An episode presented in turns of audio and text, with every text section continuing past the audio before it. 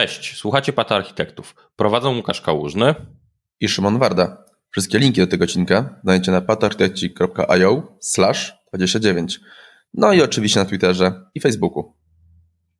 No to zacznijmy, Łukaszu, od linków.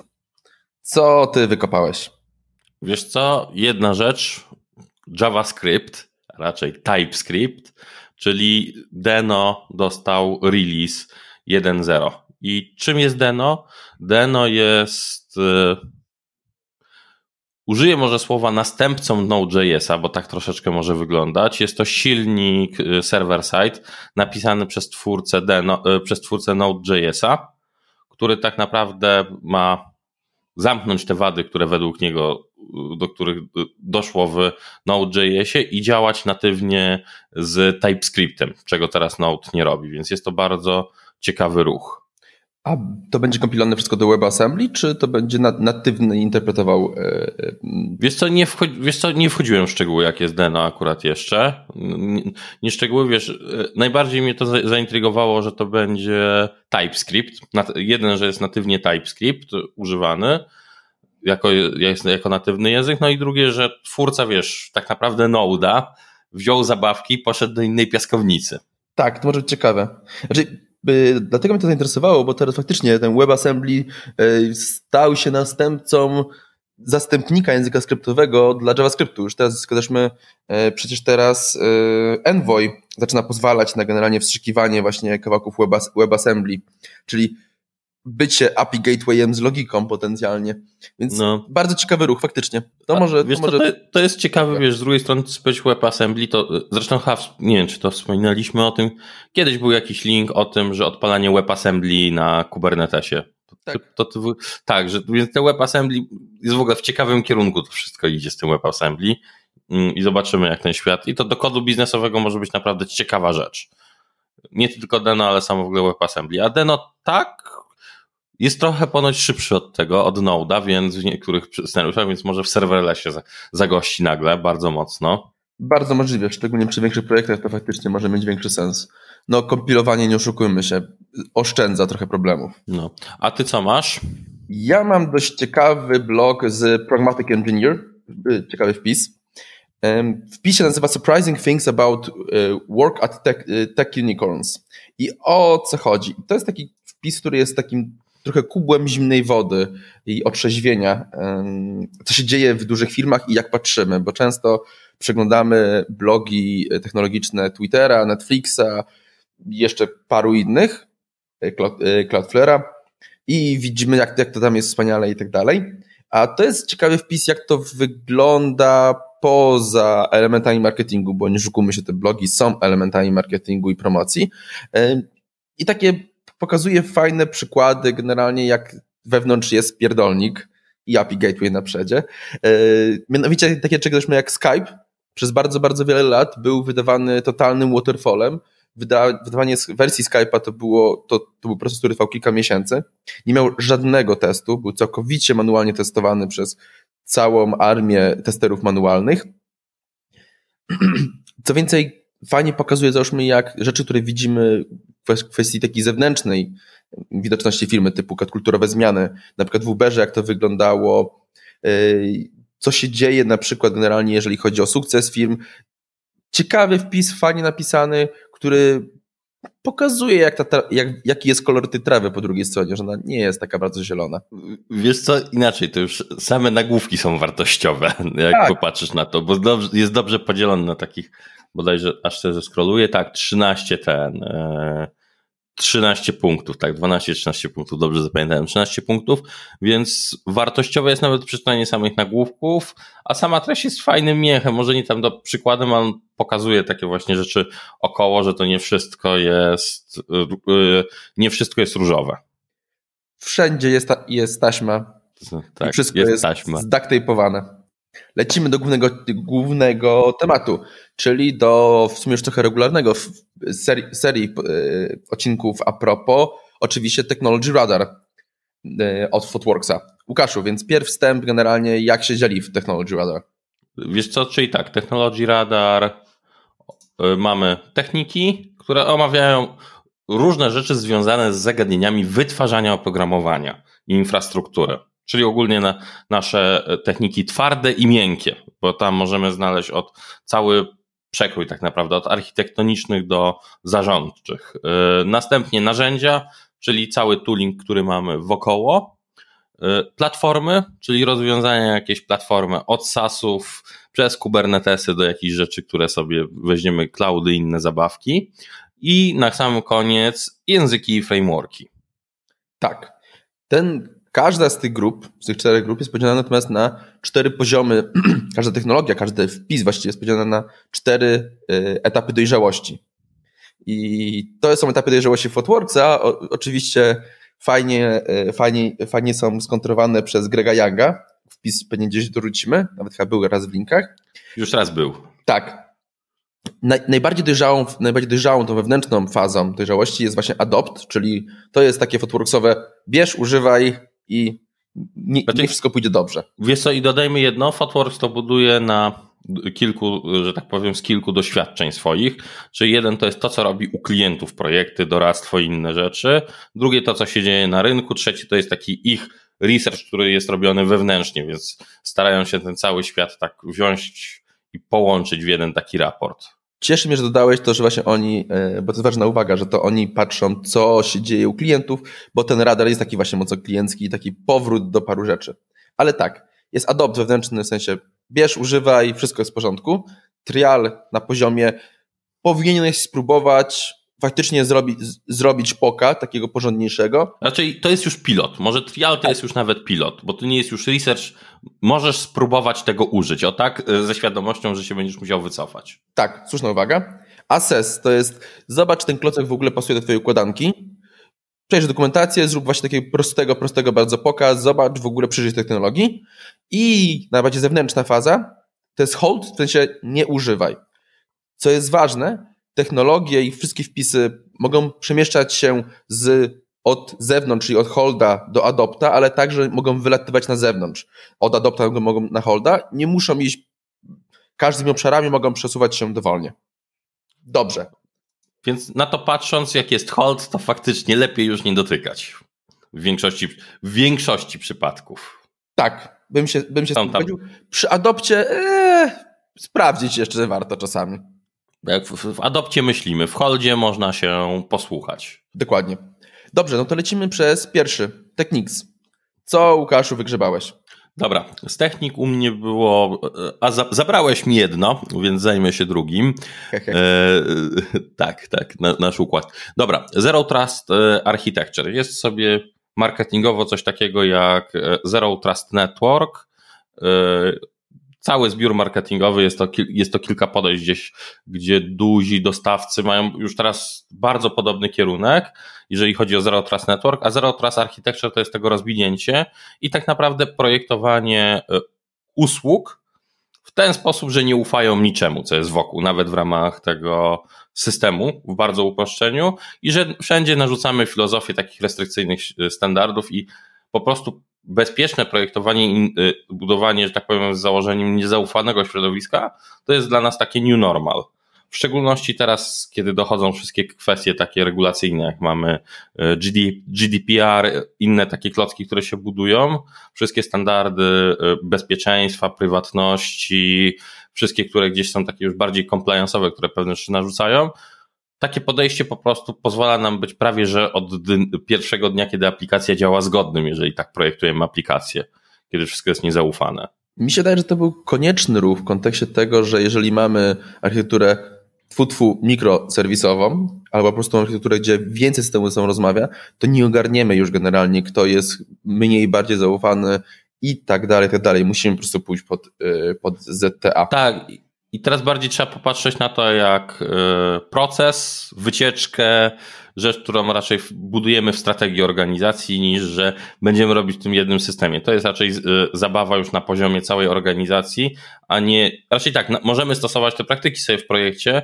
ale jeżeli mówimy o takim ZTA, to jest bardziej pieśń czegoś większego, strategicznego podejścia. Tak, po prostu nagle widzimy, że wszystkie systemy się będą ze sobą integrowały i podchodzimy do tego, że nie wiemy de facto, czy to jest integrator zewnętrzny czy wewnętrzny.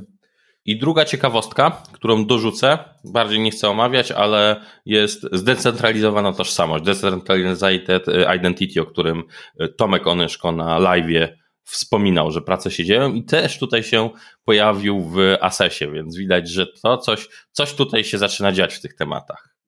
Tak. Dobra. To teraz ja się wtrącę. Ja mam no parę wpisów, które. Jeden wpis, który mnie ucieszył, że jest na holdzie, czyli mianowicie y, Cloud Lift and Shift, czyli proste podejście, że bierzemy wirtualki i przenosimy z on-prema na, do clouda i że to jest na holdzie, czyli w końcu to podejście, o których się mówiło przez wiele lat, dostawcy chmur trąbili, że możecie tak zrobić, już nie jest zalecane. Wiadomo, że można jeszcze je robić, ale nie polecają. Jednak ruch idzie w kierunku przynajmniej, że y, żeby robić replatform i żeby przechodzić na pasy, żeby przechodzić na SASy. I to jest bardzo, bardzo mnie to ucieszyło, bo faktycznie potem zarządzanie tym, tymi tysiącami wirtualek w chmurze można, jak najbardziej, zadziała, ale sorry, nie ma tam wartości. Wiesz co, ja tak powiem tak o Cloud Lift and Shift mam takie wrażenie, to jest e, maszynka do zarabiania e, pieniędzy dla ekosystemu, nie dla klientów. O tak, to jest trochę moje, moje bardzo prywatne wrażenie, które widzę z tym marketingiem. Tak, przy ogromnej skali organizacji to był konieczny krok. Fajnie, że teraz zaczynamy robić to inaczej. E, a tak to w ogóle mam, ogólne moje wrażenie właśnie o Techniques są takie, że Adopt jest tak jakby 2-3 lata w plecy no bo to, co, to, co rzuciło, moje, rzuciło mi się na oczy, to było Infrastructure as Code, który pojawił się w 2011, potem w 2012, a potem w 2020 teraz, czyli teraz właśnie wrócił, czyli tak no przypominamy. Przypominaj, przy, tak, przypominamy. Kolejny. Y, micro Frontends od roku jest już tam. Y, a Pipelines, Pipelines as Code coś, o czym wiemy, czyli generalnie, że nasz CI/CD powinien być generalnie w formie kodu, a nie tylko wykliwany z interfejsu, pojawił się w 2016, 2017, potem w 2020, czyli teraz znowu wrócił.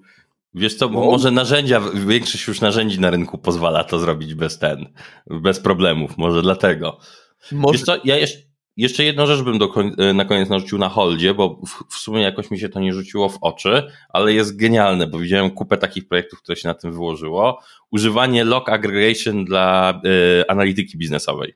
O, też go nie zważyłem. Tak, tak, tak, tak, tak. tak. Albo... To, jest, to, jest, to jest genialne. Jest tutaj pada przykład Splanka, bo widziałem wdrożenia Splanka, LK, gdzie z logów próbuje się zrobić, z logów tak naprawdę technicznych, aplikacyjnych, próbuje się zrobić y, logikę biznesową w niektórych miejscach. Albo nie daj Boże, audyt. Tak, dokładnie, więc to jest dość ciekawe właśnie, że tu jest na hold. Z jednej rzeczy nie będę negował, bo czasami się pojawia, powiedzmy, że na, w szczególności na początkowych stadiach, jak ktoś robi y, biznes internetowy. Tam, gdzie masz logi transakcyjne, raczej masz logi komunikacji z HTTP, innych rzeczy, bo czasami to obróbka po tym, jakie są zbudowane urle, hosty, skąd wchodzi jaka sesja, to potrafi być przydatne, bo w większości Potem w dojrzałych rozwiązaniach takie logi z, e, z Nginxów czy inne rzeczy HTTP streamuje się w takie całe flowy i buduje się pipeliny, a na początku może się okazać, że to będzie dobra analityka, więc na starcie może to nie jest złe, w dojrzałych rzeczach albo czysto biznesowych projektach to jest bardzo złe podejście. Tak. Jeszcze mamy jedną rzecz, do której się zgodziliśmy obydwaj, że jest bardzo fajnie, że się pojawiła. Applying e, Product Management to Internal Platforms. I to, to to oznacza? To oznacza to, żeby podchodzić do projektów wewnętrznych, a szczególnie do platform, jak do zwykłych produktów, czyli żeby miały marketing wewnętrzny, żeby miały dokumentację, żeby miały przykłady, żebyśmy traktowali je my jako ludzie wytwarzający i my jako ludzie konsumujący jako normalne produkty. I to jest bardzo, bardzo ważne. Tak, jest Cieszy to super. Trzeba do tego dojrzeć. To nie jest prosta, prosta, e, prosta rzecz, bo no dobra, taki produkt management kosztuje i to nie jest na początku prosta rzecz, ale I, daj, da, i daje boosta. niby nie widać zwrotów, nakazaliśmy zrobienia wewnętrznej reklamy, do wewnętrznego marketingu, ale to jest element uświadamiania i on jest naprawdę bardzo ważny. Tak, dużo, du, dużo potrafi pomóc. Dobra, to teraz mamy toolsy, więc co Szymonie wybrałeś w toolsach? Ja nie mogłem wybrać nic innego jak Jagera, od tego zacznijmy. E, co mnie zdziwiło, to on się dopiero w 2018 pojawił w Access, i nawet chyba o tym rozmawialiśmy swego czasu, i teraz się, pojawi, teraz się pojawił w trialu. Dla mnie to już jest bardziej adopt tak naprawdę powinno być, bo... Inaczej, jeżeli widzimy to na naszym rynku jako adopt tak. w organizacjach... to już jest standard tak naprawdę. Tym bardziej, że no, o observability już mówi się, mówi się sporo. Przy jakichkolwiek systemach rozproszonych to jest konieczność. Z rzeczy mniej, mniej poważnych, ale przydatnych, to jest e, K9S. Pojawił się w trialu. Co to jest? E, zarządzanie, przepraszam, odczyt z Kubernetesa i przeglądanie Kubernetesa, klastra kubernetesowego w formie interfejsu Norton Commandera. Czyli to jest ten TUI, Text User Interface. Tak. I o ile kubectl jest bardzo fajny do aplikowania, do debugowania i tak dalej, to naprawdę to ułatwienie odczytywania, wypisywania tego w formie sensownej tabelki i tak dalej, tak dalej, tak dalej, bardzo to fajnie wygląda i ja użyję. Wiesz co, o, to może inaczej. Ja rzucę to, bo K9S znam już od jakiegoś czasu. Ja tak rzucę od strony GUI, bo to jest na przykład bardzo częste, gdzieś tam e, mam, przy konsultacjach się spotykam, że ktoś chce koniecznie jakieś GUI, najlepiej przeglądarkowe. To są dwie takie zabawki, to jest Octan i Lens.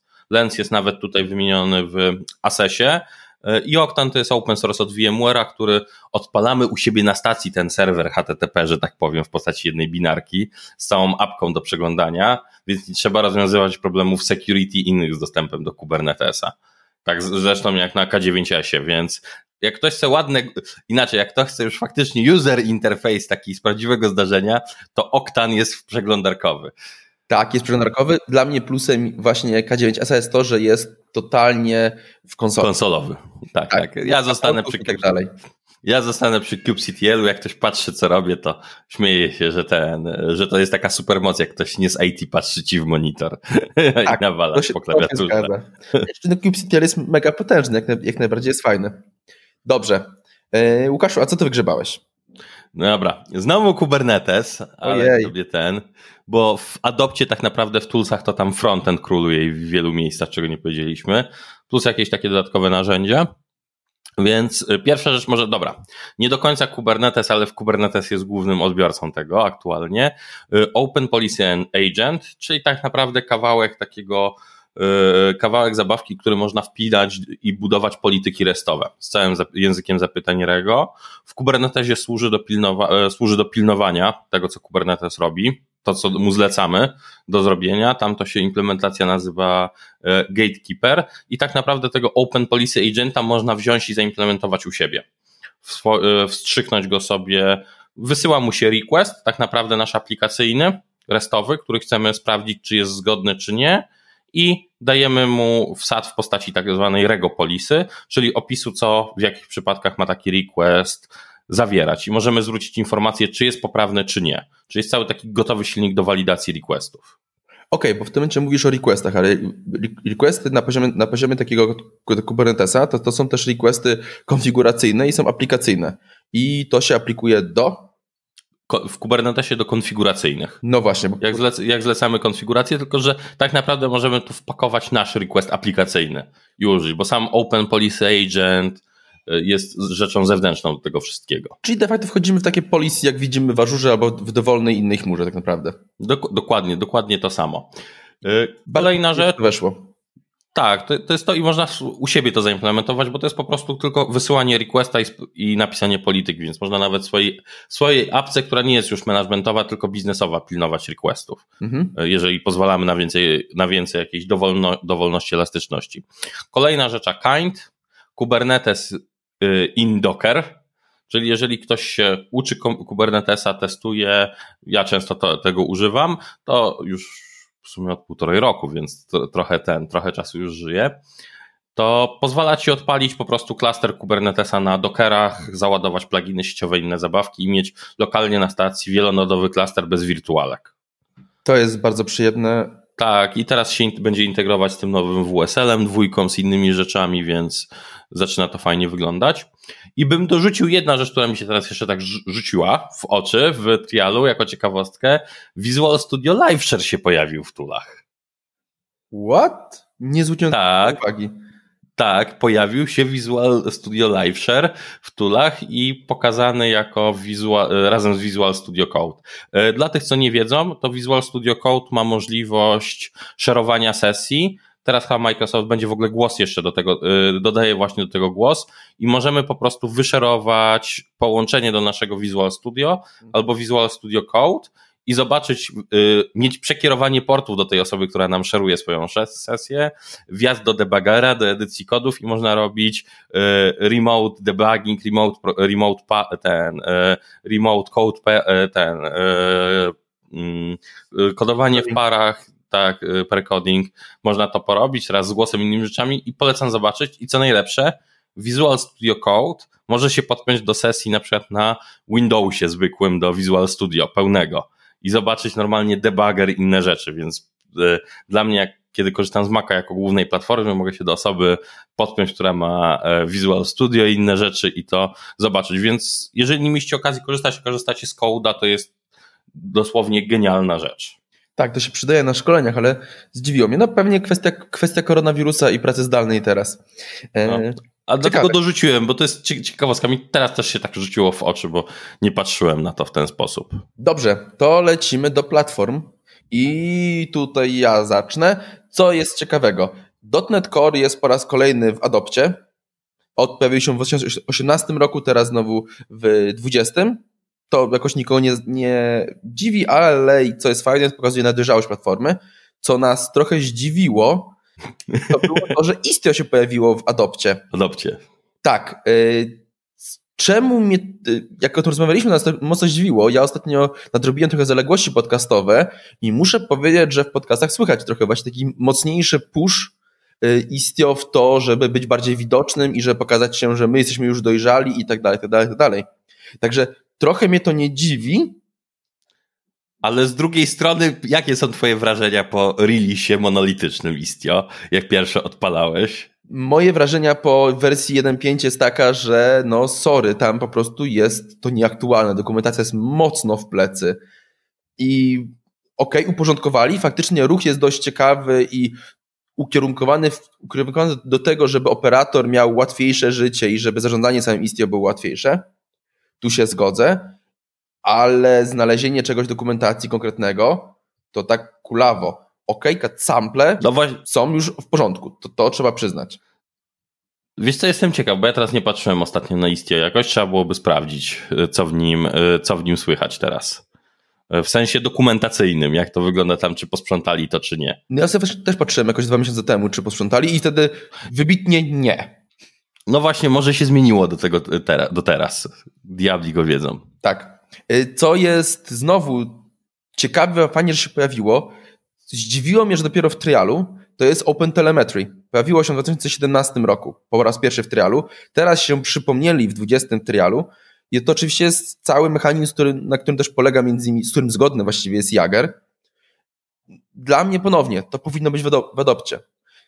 Nie wyobrażam sobie za bardzo sytuacji, w której mamy system, który jest większy i nie mamy tracingu, nie, nie, mamy, nie mamy OpenTelemetry.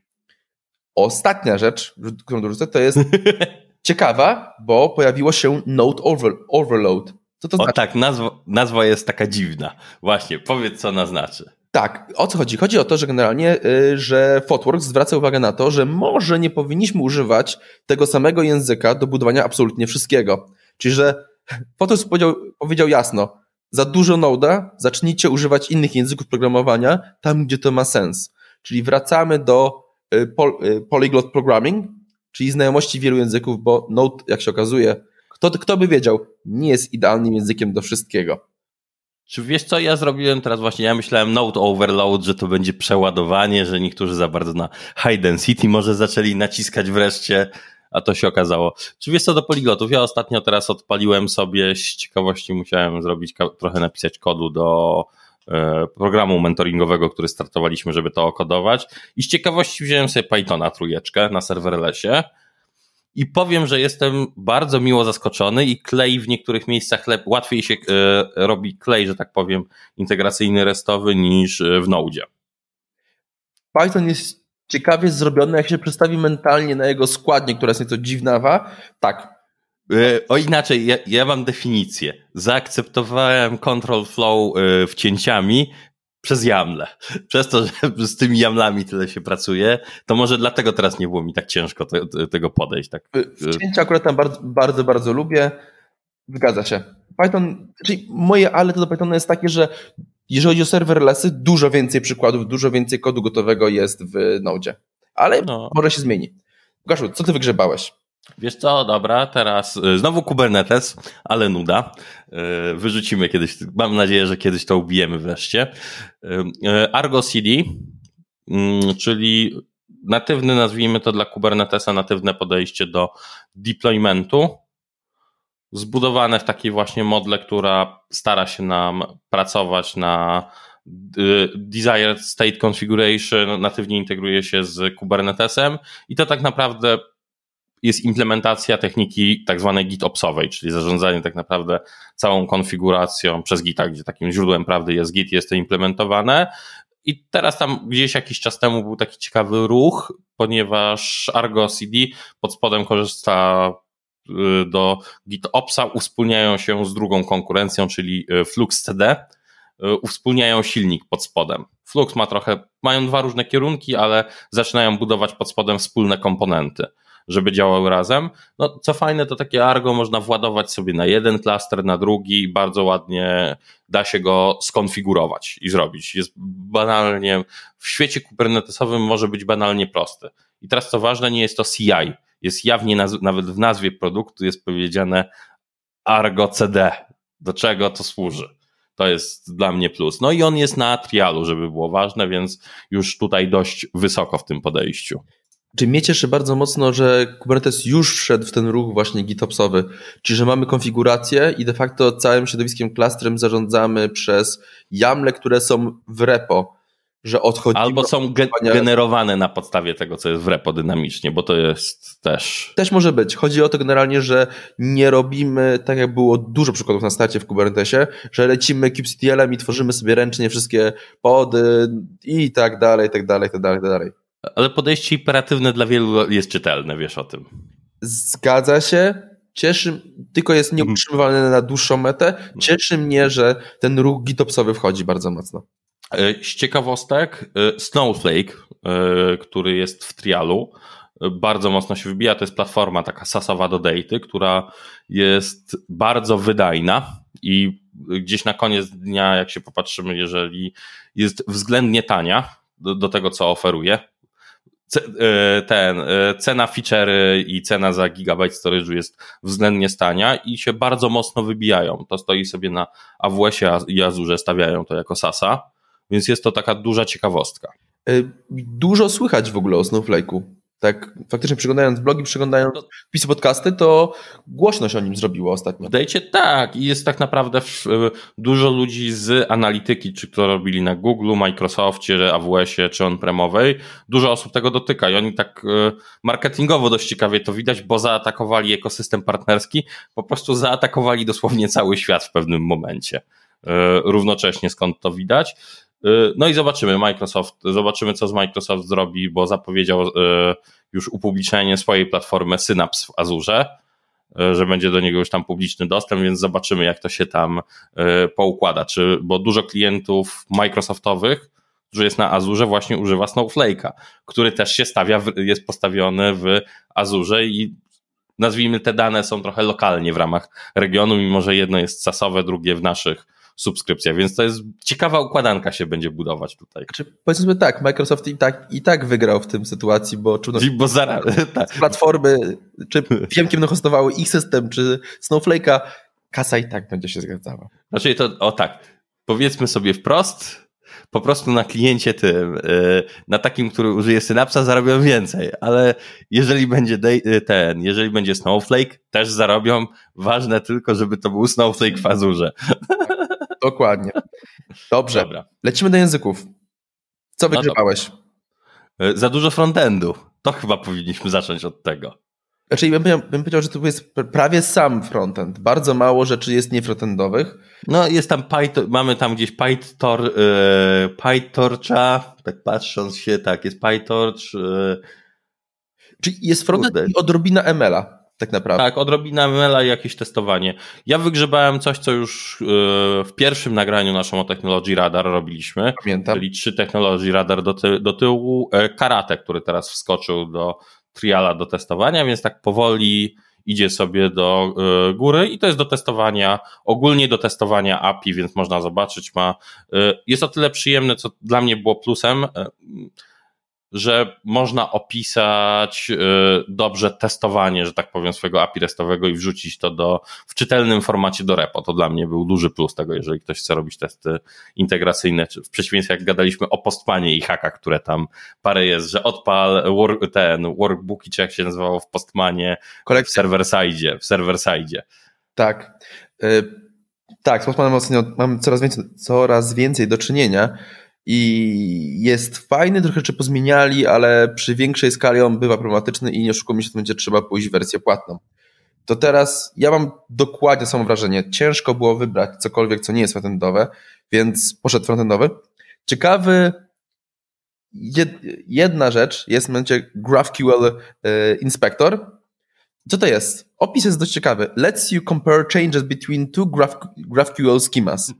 Czyli GraphQL dorasta do tego, że jednak chyba to wersjonowanie jest dobrym pomysłem. Coś, Albo co... przynajmniej sprawdzanie, co się zmienia. Tak, coś, co generalnie jak robiliśmy opis o, jak robiliśmy API. o Graph, GraphQL-u i o API Gatewayu, to się zwrócić uwagę, że na tam po prostu nie ma jak wcisnąć właściwie wersjonowania i że tutaj yy, restowe API zdecydowanie wygrywa, a nagle no, ktoś doszedł do, do wniosku, że jednak, no kurczę, ten schemat się będzie zmieniał. Więc to jest ciekawe. A tak to rzeczy, no już nie, front, nie frontendowych, to jest, że Rust wszedł dość głęboko. Mhm. E, I co mnie co, co mnie zdziwiło w kontekście, bo Rust, tak, Rust bardzo, bardzo powoli idzie w kierunku tego, żeby zastąpić właśnie C++ głównie. I fakt... Znaczy ja bym, po, ja bym powiedział C++. Tak. I to nie będzie język mainstreamowy. Bo tak, wiesz co, są w, te, w teorii trochę osób chciałoby, żeby raz był y, językiem mainstreamowym. Jakoś go sobie nie wyobrażam nadal. Wiesz co, wydaje mi się, że tak samo jak C++ generalnie nie będzie mainstream, już nie stał się mainstreamowy tak naprawdę, wchodzi, zszedł dość nisko, to raz będzie powoli ten taki mały obszar rynku powoli, powoli zajmował. Y, wsparcie, coś ciekawe, ma wsparcie od dużych, dużych prowajderów. MS zrobi, y, zrobił commitment co do Rasta, że będzie go wspierał i rozwijał też. Więc... Z drugiej strony ma na bazie nie, inaczej. Z drugiej strony jestem ciekawy, bo tam chyba Microsoft Research coś ostatnio robi, jakieś researche na temat, co można zrobić na bazie Rasta. Na zasadzie, jak go rozwinąć po Microsoftowemu. Zobaczymy, czy będzie tak jak z Node'em, TypeScriptem, że pomogą zakcelerować, czy zrobią coś swojego. Raczej chyba w tym wypadku zrobią coś zrobią coś, e, e, raczej będą komitować pewnie prędzej do Rasta, niż robić coś swojego, patrząc się na ogólne teraz podejście. Znaczy Microsoft Research jest bardzo ciekawym działem i naprawdę ciekawe rzeczy z niego wychodzą, więc trzeba obserwować zdecydowanie. No, ale tak, dla mnie jest ten, nie przejdzie do mainstreamu tak jak Golang. Bo zobaczcie, że o Golangu dużo osób wie, ale to jest tool, gdzie potrzebujesz, kiedy potrzebujesz tanim kosztem uzyskać dużo wydajności.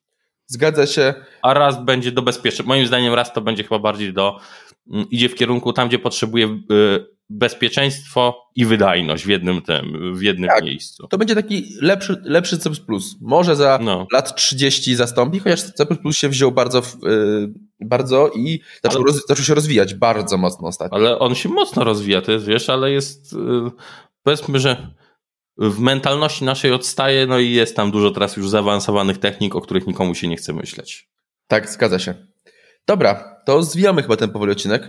Ogólne tak. wrażenia a propos tego te Technology Radara, Łukaszu? E, taki spokojno-covidowy, ja się teraz zaśmieję z tego.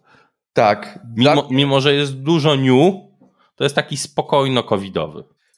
Dla mnie jest takim przypominajką, taką na zasadzie generalnie, ej chłopaki, pamiętajcie, robiliśmy, mówiliśmy o tym dwa lata temu, to to jest dalej aktualne. No. wracamy de facto. Co widać o, o tym, że duże rzeczy, które były w Adopcie się tam ponownie pojawiły. E, więc tak. A że w, tak, a że we frontendzie dużo ruchu w tych e, językach, frameworkach, to normalne chyba w tym świecie. Tak, w zupełności normalne. Dobra, to kończymy w takim razie. Dzięki. Dzięki, na razie.